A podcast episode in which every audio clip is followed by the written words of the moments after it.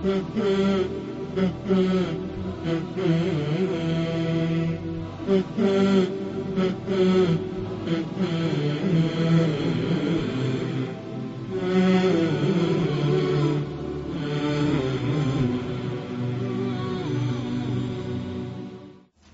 لله رب العالمين والصلاة والسلام على أشرف الأنبياء والمرسلين نبينا محمد وعلى آله وصحبه أجمعين ulazimo u poglavlje namaza. Prva stvar jeste činjenica da je namaz najbitniji temelj islama nakon šehadeta. Namaz je najbitniji temelj islama nakon šehadeta. Što znači čovjek kada uđe u islam, rekni la ilaha illa Muhammed Resulullah, najbitnija stvar koju treba činiti, a mi smo prošli put govorili, imate poglavlje akideta vjerovanja. Što čovjek treba da vjeruje? Mi govorimo ovdje o praktičnom dijelu života čovjekom. Šta mu je najbitnije? Najbitnije je namaz. Mnogo je kuranskih ajeta u kojima Allah Đerašanu naređuje wa aqimu salata wa aqimu salata na obavljajte namaz obavljajte namaz obavljajte namaz dajte zekat tako da te argumente ako Bog da vama ne treba spominjati poznat je hadis u Buhari Muslimu od Ibn Omara gdje kaže Allahu poslanik islam je sazidan sazdan na pet temelja na pet stubova svjedočim da nema drugog boga osim Allaha namaz zekat post i hadž to su tu stubovi i taj jedan stub kad sloniš islam pada naročito ovaj stub šehadeta i namaza. To su najbitni stubovi. Nakon toga postavlja se pitanje, nakon što smo rekli da je to stroga, stroga, stroga obaveza muslimanima, kojim muslimanima je to obaveza? Svakom punoljetnom muslimanu. Razumnom punoljetnom muslimanu. Svakom razumnom punoljetnom muslimanu. vidjet ćete kad budemo govorili o postu, ako dođemo do toga, koliko je uvjeta da bi nekom je post bio obavezan, da bi nekom je zekijat bio obavezan, koliko je uvjeta, da bi nekom hađ bio obavezan, koliko je uvjeta, a, a namaz nema puno uvjeta. Musliman, punoljetan, razuman. Završena stvar. Što smo ovdje rekli punoljetan? Da bi ovom klauzulom izbacili maloljetnike. Maloljetniku nije obaveza klanjati. Nije obaveza ali je po hadisima Allahu poslanika li selatu selam obaveza komi njegovim roditeljima da ga navikavaju od sedme godine da ga navikavaju a od desete godine već ako se vrti previše znači izbjegava namaz, da ga odgojno istuku zbog namaza. Ali to ne znači da to dijete kada ne bi klanjalo da je griješno. Dijete dok ne postane punoljetno, grijesni mu se ne pišu. To je u šerijatu tako. Ako uradi dobro djelo, sevapi se pišu. Pogledajte kako je vjera savršena. Uradiš dobro djelo kao maloljetan, imaš sevap. Uradiš grijeh, grijeh se još ne piši. Ali je obavez, jer Boži poslanik kaže Muru euladekum, naređujte svojoj djeci. Pa velik broj učenjaka je kazao ovo je obaveza roditeljima, ne obaveza djeci. Jer ovaj hadis, kome se Boži poslanik obraća? Kaže, muru euladekum, naredite vi svojoj djeci. Što znači, on se obraća roditeljima. I nije obaveza djete tu klanjati, već je babi i mami obaveza da ga podučavaju. Kaže, naređujte svojoj djeci namaz već od sedmi godine, a od desete godine ih i već odgojno istucite zbog namaza.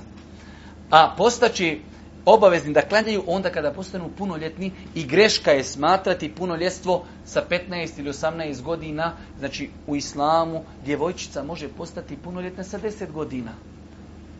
I od 10. godine ona treba da nosi hijab, od 10. godine treba da klanja, od 10. godine treba da posti post je opet posebna priča, hijab može nositi bez ikakvih opterećenja, namaz može klanjati, post ako može izdržati može, ako ne može, govorit ćemo o tom i postiti, znači onda njeni roditelji zapišu koliko dana nije uspjela postiti, pa će to napostiti kada bude fizički spremna i jaka. Ali puno ljeta može postati u desetoj godini. Zato kažem, veoma je bitno kao roditelj da čovjek zna te stvari, jer roditelj treba djetetu da kaži, treba obavezati se nje postiti obaveza ti je klanjati s postanjanjem punoljetnosti, ne sa 18 godina, niti sa 15. Ima u islamu mišljenje jako da ako dijete nije dobilo ni jedan drugi simptom, znači pokazatelj punoljetstva, kada napuni 15 godina, da je postalo punoljetno. To je jako mišljenje, svakako. Ali u smislu, e, ima ljudi koji kaže 15, ne može prije 15 nikako, ne ispravno. Djevojčica kada dobije mjesečnicu, makar to bilo puno prije 15, ona je punoljetna u šerijetu. I zato kažemo ovdje za namaz, zato smo stavili u klauzulu, punoljetnom je obaveza klanjati, za djecu nije obaveza, ako budu klanjali imat će seba, pa ako ne klanjaju neće imati grije, ali je roditeljima obaveza da ih, onaj, hajde da kažemo, privikavaju. Također, od osobenosti namaza, ako malo ćemo govoriti o tome, onaj, ali evo kako ide u ovoj knjizi neka pitanja, jeste, da je namaz vremenski ograničen, i govorit ćemo malo nakon toga o vremenima, ograničen početkom i krajom. Svaki namaz ima svoj početak i kraj. I nije ga dozvoljeno klanjati prije namaskog vremena, kao što ga nije dozvoljeno klanjati i nakon namaskog vremena. Inna salate kanet alel mu'minine kitaben na uputa, doista je namaz vremenski određena obaveza. Jer amukallahu doista je namaz vremenski određena obaveza sura i nisa 103. ajit.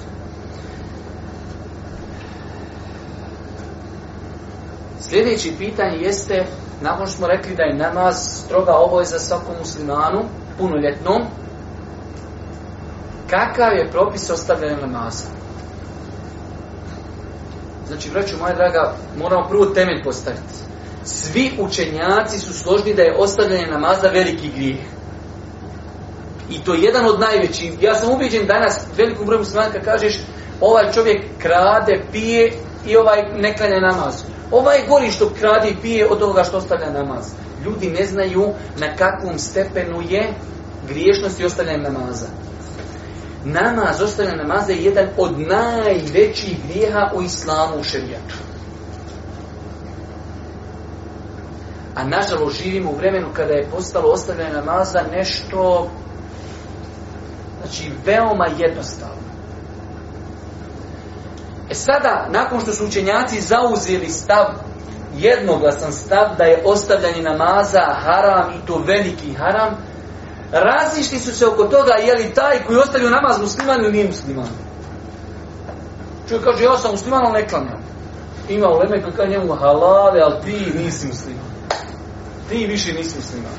Jer to dvoje se, kaže, ne može spojiti. Ne klanjaš i hoćeš da si musliman, ne može. Musliman mora klanjati. Nis, ne klanjaš, nisi musliman. I jako mišljenje. Normalno, to je poznato da je to bio stav Hanbelijske pravne škole, gdje su oni, hajde da kažemo, naj čvršći u tom pitanju, dok ostala tri mezeba kažu ostavljanje maza nije kufr. Znači, ne izlaziš iz vjere, ali si tu negdje, vodaš po ivici, op, malo te neko gurne, odeš u džemne. Na, zato što smo se dogovorili da su svi rekli da je ostavljanje namaza veliki grije. Ali, sad se samo vagaju, jel on izaš u izvjeri, nije više to mujo, ma mujo, razliku, ba, nema više ništa, ba. Znači, pazite, imate u vreme današnjih doba, kao što je bio Šeh Bin Baz, i neki još, samo jedan, kaže, namaz ostavi, odmah nije musliman.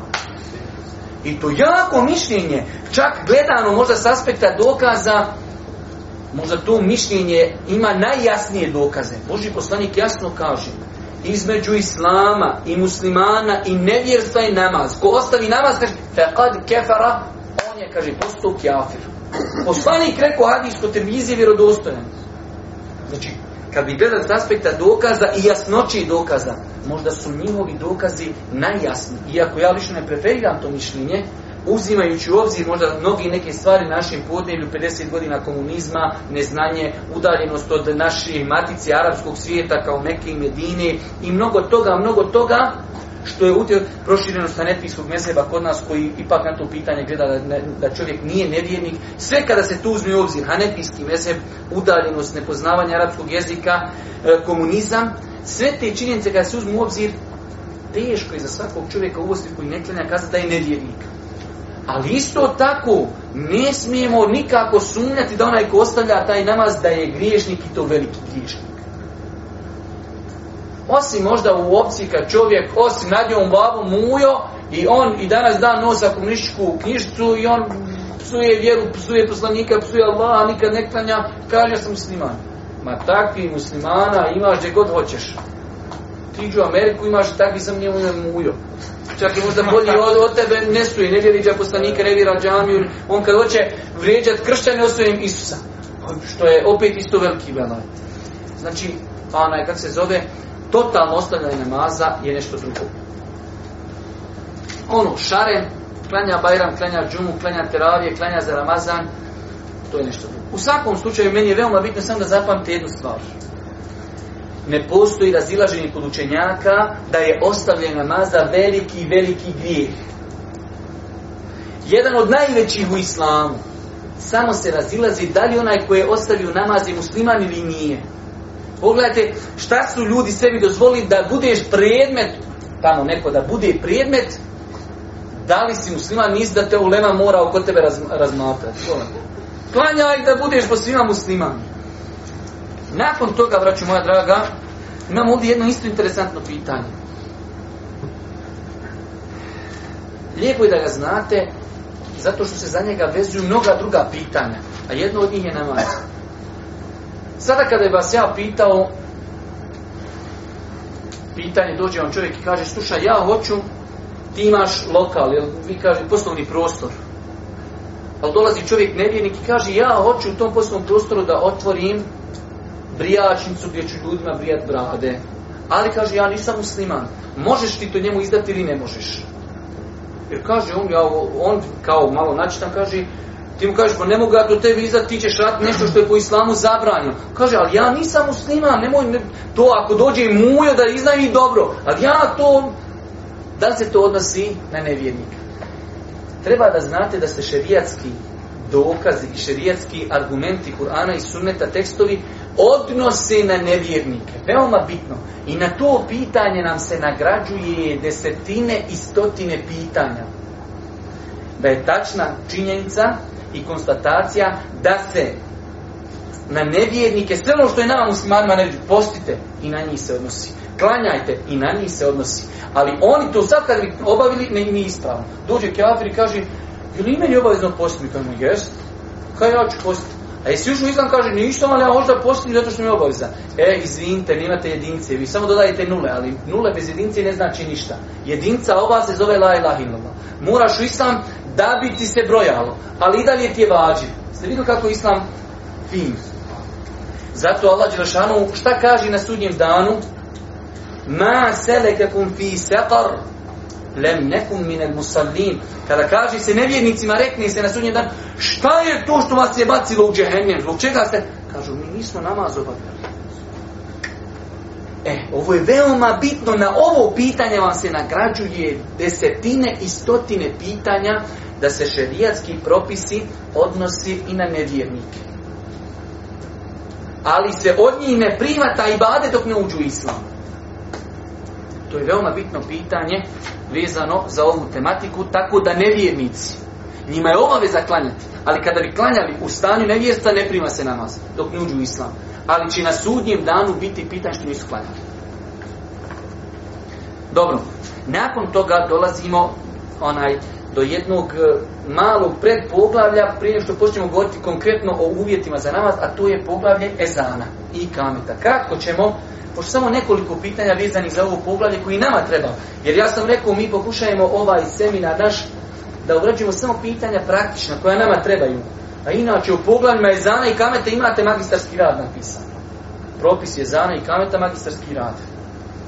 E, ali mi ćemo taj magistarski rad pretvoriti u tri minuta. Prva stvar, propis Ezana i Kameta, odnosno Ezana, jeste fard kifaje. Rekli smo da je fard kifaje kolegijalna obaveza. Stvari koje su obavezne ljudima mogu biti farz ajn, stroga obaveza svakom pojedincu i može biti farz kolegijalni. Pa smo rekli danas pitanje mejita kad preseli mejit ili dženaza, klanjati mejitu dženazu, je kolegijalna obaveza. Kada bi muslimani zakovali nekog vrata muslimana i nikomu nije klanjeno. Svi su griješni. Ali samo jedan dođe i samo mu jedan klanja dženazu, ostali nisu griješni. Jer je to kolegijalna obaviza. Bitno je da neko uradi. E znam, bitno je da jedan prouči, niko nije griješan. Niko ne prouči, svi griješni. I zato je problem u mjestima, nekim selima, nekad i gradovima, kad neko tutne kasetu i svi oni sjede u džami i slušaju tamo kako neki lijepi hafiz lijepo uči ezan. U tom selu za taj namaz svi su griješni. Ali još isto veći problem kad neko bude normalan i pametno to džajim pa počne se bun, e onda on bude crna vrana, što se buni, šuti, mi svi sedimo lijepo nam slušati Afiza, kako lijepo uči sa kasete, može za podi nam pručiti, e salatu hajru mine neum, jer smo pogrešnom u kasetu stavili i tako dalje, onaj, to nije problem, ali je problem onaj koji će se buniti. U svakom slučaju učenje ezana je farz i faje, kolegijalna obaveza, šta je kolegijalna obaveza, njena definicija je, dijelo koje se traži od muslimana, kada ga obavi bilo kod muslimana, ostali nisu griješni. Ako ga niko ne uradi, svi su griješni. Onaj što se buni. Molim? Onaj što se buni, on je okej. Okay. On treba da se buni. E, imamo sad, to je znači, ezan se uči, braću moja draga, i kod kuće u smislu kada čovjek ne putuje i kada muslimani kao grupa džemat putuju. Znači da neko ne pomisli jezna se samo uči kada si kod kuće dok kada smo na putu, oči smo negdje na igman, odmah daj kamet. Ne, jezan se uči i na putovanju, uči se i kod kuće. Druga stvar, pojedinac hoće da klanja, ošao čovjek na igman, sam gore ošao lovit zečeve, nastupno namasko vrijeme. Može li prušiti jezan? Po velikom broju učenjaka, sumnet mu je, nije obavezda, sumnet, povalno je da prouči jezan. I bolje je pojedincu da prouči ezan. U mjestima gdje nije proučen ezan, kada želi da klanje, bolje je da, je da prouči ezan. Ali, da li je obaveza, malo je, postoji tu mišljenje, da je i pojedincu obaveza proučiti ezan. U mjestima gdje nije proučen ezan. U svakom slučaju, samo bitno je da mi znamo da se ezan može ušti kad insan klanja pojedinačno.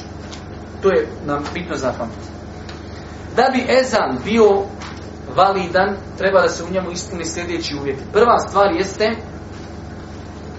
da bude uzastopan. U smislu da nema velikih prekida. Da ne bude čovjek prouči Allahu akbar, Allahu akbar, Allahu akbar, Allahu akbar četiri puta. U, zvoni mobitel. U, direktor.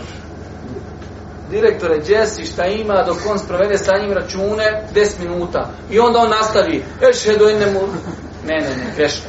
Znači, ezan treba da bude sav izrečen znači uzastopno jedna, jedan, ona, ajde kažemo, rečenica iza drugi. To je jedna stvar. Druga stvar, da bude po onom redoslijedu kako je spomenut u sunnetu Božih poslanika. Da ne počne čovjek sa la ilaha illa, pa ješe do ene muhammedu su haja lesela, kad kameti sela, gore, dole, ne. Onako kako je spomenuto u svima vama poznatom redoslijedu.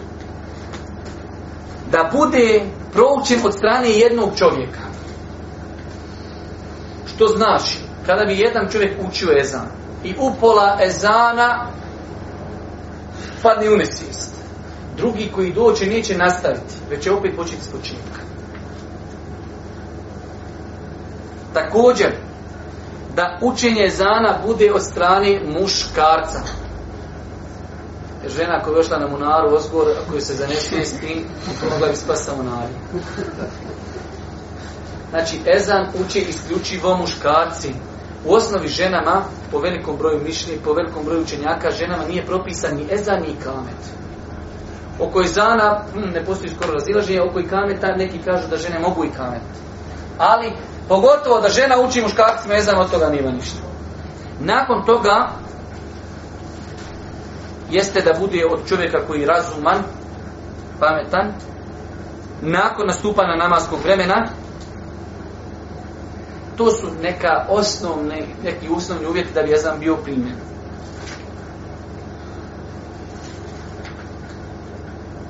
Imamo samo jednu lijepu stvar spomenuti, iako kod nas to nije praksa, ali postoji nekoliko validnih načina učenja jezana. Nije svakako jedan od njih od onaj koji šije uče pa kad dodaju, ešhedu ene alije valijullah, to nije. Ali imate, znači, validne hadise, vjerodostojne, da postoji dva ili tri načina učenja ezana. Ali ova ezan koji mi znamo, to je validan ezan i mi ćemo oko toga puno filozofirati, ali lijepo je da znate tu stvar. Drugu stvar koju ja želim da spomenem jeste ono što ste vi vjerojatno primijetili, da postoji dva načina i kameta. Postoje dvije vrste i kameta koje su obadve validne. Jer nekad se dešaje ljudi nemaju širijetsko znanje i kad čuje da neko uči onaj tamo neki drugi kamet, njemu odmah naraste kosa, sutra se treba i šišat kod brici. Zato što to nije po nekom njegovom svatanju. Čak šta više, znači imate dva ikameta. Jedan ikamet je koji se kod nas ikameti po džamijama, koji je identičan ezanu sa 15 rečenica. Da i ne nabrajamo, kao što je ezan isti, ikamet je identičan. taj namaz je, taj ikamet je validan, ali taj ikamet je prenešen u hadisima koji su mnogo na manjem stepenu od e, hadisa koji ukazuju da se ikamet uči parno. Hadisi koji, u kojima se kaže da ikamet nije kao ezan su u Buhari i Muslimu. I zato znači kada vidite da neko uči malo kraći taj ikamet, taj ikamet je prenešen u hadijskim zbirkama mnogo jačim nego koji su ovaj koji kod nas prisutan. Ali u svemu tome mi opet kažemo oba načina su prenešena vjerodostojnim hadisima i mogu se oba prakticirati. Ne treba zatezati, imaš opet s druge strane ljudi, ne bi proučio onaj po četiri puta ko ezan, vrađe bi, ne znam nija šta bi uradio. Nije mi to potrebno. Ako si negdje u džami gdje ljudi ne poznaju onu drugu vrstu i kameta kraću, uči kamet onaj kao ezan i završena stvar. Jer hvala Allahu, oba i kameta su prenešena vjerodostojnim hadisma, iako znači vjerodostojnost ovih hadisa koji ukazuju da se i kamet uči parno, znači kraći dva puta Allahu Ekber, jedno meše dojene la ilaha ila, jedno meše dojene mom rasula i tako, ti hadisu u Buhari i Muslimu. Ali opet u svemu tome je hvala Allahu kada ima tu prostora, ne treba oko toga zatezati mnogo. Sodno vremenu, prostoru i situaciji. Zato ako si u džami gdje ljudi ne znaju za onu kraću verziju i kameta, nemoj uči da ne bi napravio belaj. Prouči onaj drugi kamet, čak šta više, sunnet je. Sunnet je da se praktikuje nekad ovo, nekad onu. Tako da ti ako čitaš život, tu ćeš najkraći kamet, došao sneđe u džami, tamo vam, alhamdulillah, u praktiku i taj dan sunnet, onaj malo duži kamet i tu je tu. Tako da znači, ovo je, zato sam ti ovo ciljan, ovo da shvatite, da malo to akcent stavimo, dva su načina ispravna i kameta, i onaj lijepo je nekad i kamet na jedan način, nekad na drugi.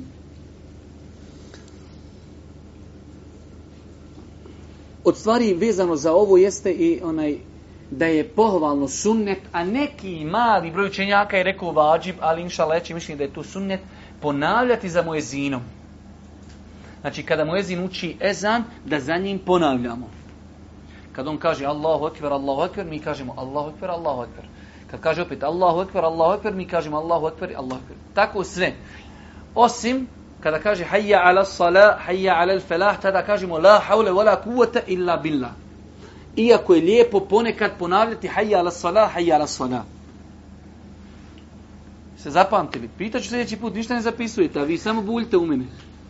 Kod da ste vi svi imam šafija, pa svi zapamtili sve što sam vam rekao. Znači, pohvalno je ponavljati za mojezinom. zinom ponavlja se sve kako on govori osim hayya ala salah, hayya ala falah kada se kaže la hawla wala kuvvete illa billah. Osim ponekad može se reći hayya ala salah, hayya ala falah. Šta ćemo kazati kada čujemo muezina, ako ga ikad čujemo, onaj da kaže es salatu hayru min en neum. Kazat ćemo es salatu hayru min en neum. Zato što Boži poslanik kaže kada čujete muezina, kažite ono što i on govori on kaže haj es eh, salatu khairu min an-nawm poži poslanik rekao kažete što on govori on je rekao haj es eh, salatu khairu min an-nawm i mi kažemo es salatu khairu min an-nawm E sada ovdje što je ovaj naš brat pitao i time ćemo završiti ovo naše poglavlje pitanje ezana učenja ezana na kaseti ili preko kaseti CD-a, DVD-a, interneta i ostalih novih metoda velik broj učenjaka današnjih doba izdao je fetve u kojima su kazali da nije validan ezan koji se prouči putem nekih od ovih elektronskih pomagala. Zašto? Zato što je ezan ibadet.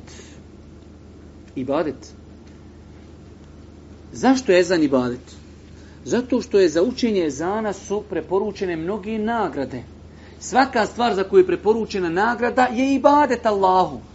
A ibadet, da bi bio ispravan i validan, mora da bude urađen od osobe koja je šta? Šerijetski obveznik, znači čovjek koji je razuman, pametan. Jer kada se to fun pametan? Jezdo ga pricneš ti pa uključiš. Što sam sebe ne uključi.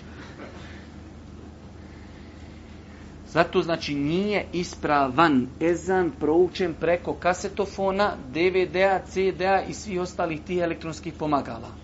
Drugi propis, da li ponavljati za tako učenim ezanom? Ne. Zato što taj šerijatski, nemojte puno šćecati se olovkama, da se ne vam pokvarila slučajno olovka, pa ćete onda tražiti drugu olovku. Znači jednom šćecite kad počnete pisat, kad prestanete pisat, opet šćecite. Znači, da li ponavljati za ezanom koji se uči preko kasete? Ne. Zato što smo mi donijeli propis da taj ezan nije validan. A u šerijatu postoji pravilo sve što je izgrađeno na neispravnom i ono je neispravno sve što je izgrađeno neispravnom, ono je neispravno. Kada ukradeš zemlju i napraviš na njoj kuću, belaj, problem zemlja, problem kuća. Tako i ovo, ezan proučen CD-om i DVD-om, kasetom, trakom, kako god hoćete zovete, neispravan i ne treba ponavljati za njim. Šta ako prouči? Nije sporno, nije inšala sporno, ali onaj kak se zove nije propisano ponavljanje zato što to nije ibadet. Samo da završimo još ovu stvar. I onda rezimiramo pošto smo rekli da u tom mjestu je onaj farz kifaje kolegijalna obaveza učenje ezana, u tom mjestu, u tom danu ti ljudi su griješni što nisu proučili ezan. Griješni su što nisu proučili ezan, svi su griješni po definiciji farz kifaje, da je farz kifaje ono što ako uradi jedan insan, svi ostali nisu griješni, ako niko ne uradi, svi su griješni. To je otprilike za učenje ezana putem onaj kasete, DVD-a i CD-a. Mikrofon, inšala, ne potpada pod to. Zašto ne potpada? Zato što mikrofon, znači u osnovi je to ljudski glas čovjeka koji je šerijetski obveznik, osim što je mikrofon, pojačavanje glasa. A u šerijatu je pojačavanje glasa, pa ja kajem u jednu ruku malo pohvalno, svi zato Boži poslanik kada je odredio Bilala da bude mu ezinom, kaže Tomas Habu, koji je vidio ezan u snu. Jer propisivanje ezana se desilo da jedan asab vidio u snu ezan. Boži poslanik je tražio, kaže kako ćemo mi obznaniti nastanak namaza, namaskog vremena. Pa su rekli, hajde uzmijemo zvono da lupamo ko što su kršćani. Jedni su rekli, hajde palimo vatru, hajde ovo, hajde ono. I onda je Boži poslanik čekao pa je jedan od asaba vidio u snu kako uči ezan. Pa je došao Božji poslanik kaže, Allah poslanik, ja sam sanjao da nešto učim, ezan. Onda je kaže, rekao, idi poduči ta, to što si čuo Bilala, jer kaže, Bilal je enda saute minke. Kaže, on je glasnije glasa od tebe, jači mu je glas. Na osnovu toga, znači, e, ajde reklimo, cilj šerijata je da se ezan uči glasno. E, imamo mi sad drugi propis, a to je, Pogledaj sad, mi kažemo obaveza je se odazvati na namaz onome ko čuje ezan. Ti sad zamisli tamo, možda, jel su popalići na drugoj strani, tamo skroj sad. Tamo čuješ ezan na mikrofon, ti ovdje, jel? Šta misliš, kad ne bila nijedna džamija, ti tamo čuješ ezan non stop, pješači, pali auto, na namaz. Ne. Ovo je samo da bi se čulo da je nastupno namasko vrijeme u tom kontekstu. Ali obaveza i dalje, obaveza ostaje onaj insan koji čuje ezan, ili pretpostavimo onaj insan koji bi čuo ezan kada bi se ezan učio bez mikrofona. Ja znam, na primjer, u mom mjestu gdje sam ja rođen, mi čujemo ezan možda 15 km s drugih mjesta, znači između mog sela, znači postoji vitez, cijeli grad, i mi čujemo tamo s druge dijela Lašvanske doline, čujemo ezan. Da li to znači da je nama obaveza tamo ići? Ne. Ali se čuje, znači znaš nastuple namasko vrijeme, eno na počulcu uči ezan. Nastuple namasko vrijeme, ali nije tebi obaveza ići u počulcu. Ne. Znači, kome je obaveza se odazvati džematu? Onome ko bi čuo ezan, proučen od strane insana, bez pojačala, u normalnim vremenskim uvjetima. Čak nekad ima vremenski uvjeti, ti učiš jezan vjetar puni i odnese tvoj glas, čuje se 10 km. Ne. Kad su normalni uvjeti, nema vjetrova, nema buki. Isto buka smanjuje doticaj, znači jezana do ljudi. U normalnim uvjetima, kada bi čovjek učio, jedan dobar mu jezin, jakog glasa, e dok se čuje ezan, tim ljudima je obaveza da dođu u džematu.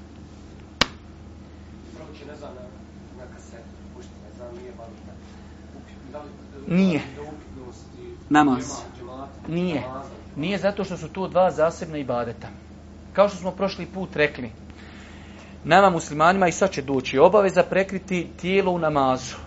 I zamisli čovjek uzme, rekli smo evo hajde da je obaveza pokriti od pupka do koljena. I čovjek uzme svileni šovc i obuče ga. Muslimanima je zabranjeno nositi svilu. Njegov namaz je validan, ali je griješan što je obukao svileni šorc. Isto tako, musliman su griješni što tada nisu prušli ezan, ali je njihov namaz zaseban ibadet.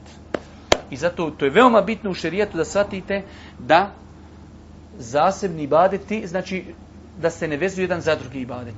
Znači, ovdje si napravio grešku, imat ćeš problem sa tim ibadetom, ali drugi ibadet je onaj kak se zove ispravan.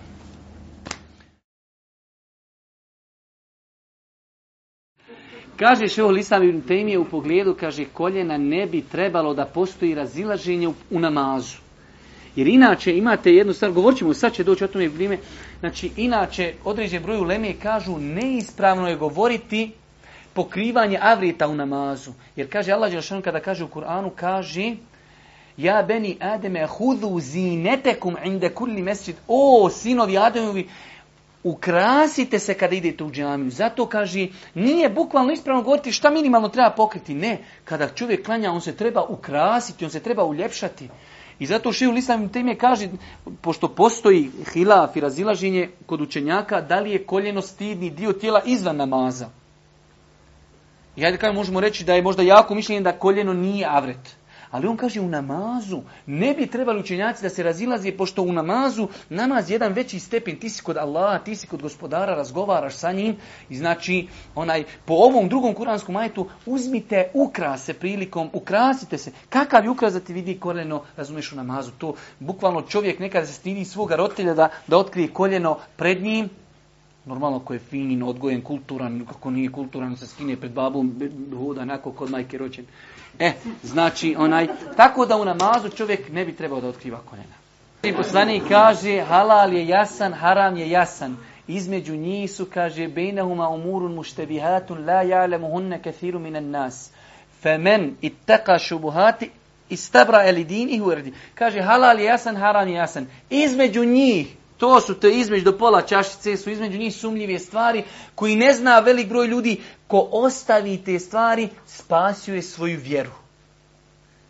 Brate, namaz nije, namaz nije čupanje luka. Namaz je najveći ibadet. Ako znaš da ti je kratak šorc, ili ga produži, ili ga naši, ili ga baci, ili ga radi nešto od njega, ali pokri koljena i završena stvar što imaš filozofirati, to je to. Ti kad znaš da imaš dobar šorš dole koji je trofrtaljni, znači on se ne može nikako povući. Ali kad ti njega obučeš, on već do ovdje, ti odeš na etajijat, on već došao do ovdje. E, znači, brate, znaš da ideš u namaz, znaš da si krenu. Pa, I zato ima, ja znam, ima ljudi, dovnije mu šorci, on sad malo ga ozgor navlači u džami, da dođe do do koljena, ali onda, izvineš, otkriju pola vamo strini. I onda otkriju gore, pokri dole, pokri dole. Nema od toga ništa. Znači, čovjek bi trebao da zna gdje ide, kud ide namaz je najbitniji temelj islama i znači ne doliči insanu da se poigrava s takvim stvarima. Reci. Vezan, je dovoljno, na primjer, u Sarajevu ili na nekom području, da jedna samo džamija prouči ona, vezan normalno kako treba, ili, ili je to sad pomahala, najde kaže. Ne znam. Pa ono, imaš da je sume pojedinicu uči jezan, kada je znam. Da. Šta je se kamerom, obavezno uči pojedinicu nije obaveza i kamet uši pojedincu. Tako da isto to je pitanje koji se često postavlja čovjek, mene koliko ljudi kaže zaborio sam i kamet ili, ili slični pitanje i kamet, isto je i bade zaseban i nije obavezan pojedincu. Znači što znači, kad bi se desilo čovjek nešto žuri, iz WC-a, abdestio, ne bi žuri, Allahu ekber u farzima. Ne treba prekinuti namaz, uf, zaborio sam i kamet. Nastavi klanjati. Svakako. Svakako.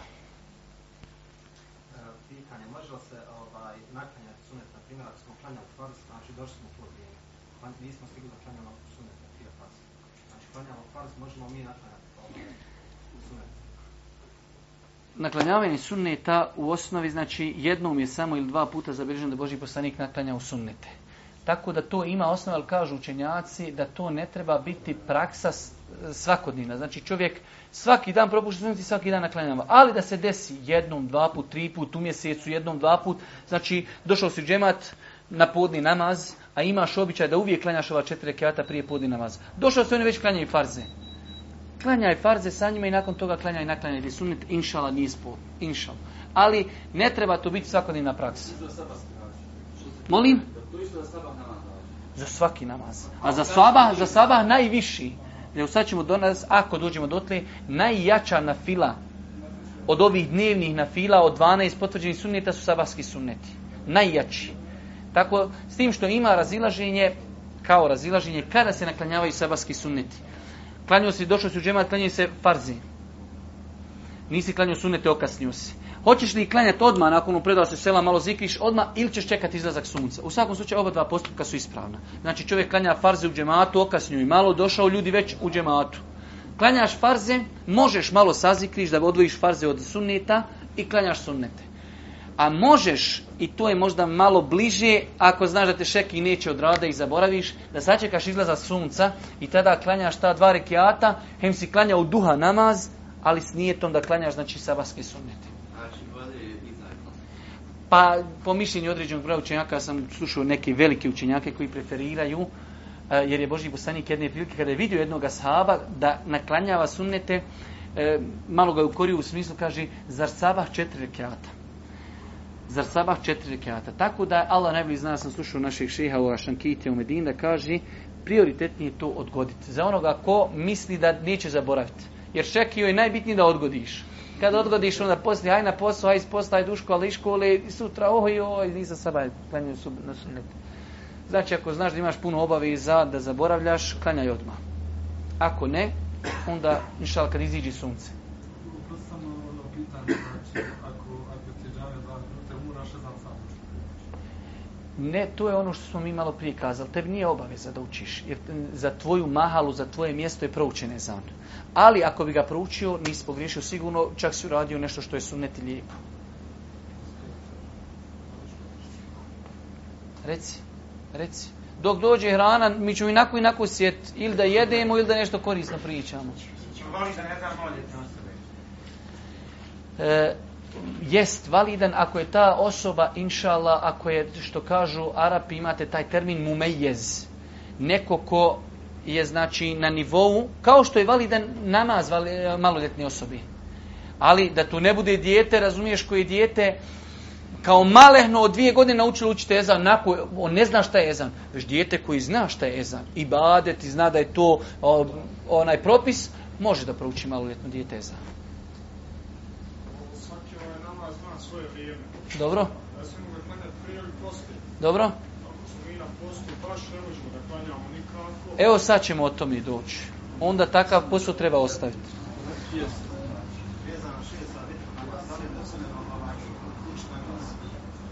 Evo sad ćemo, ako dođemo noće, se učimo vitr. Ali nije smetnije da se vitr, na vitru uči, pošto je to noćni namaz da se uči onaj, da se uči na glas. Ne smeta, inšala, mislim.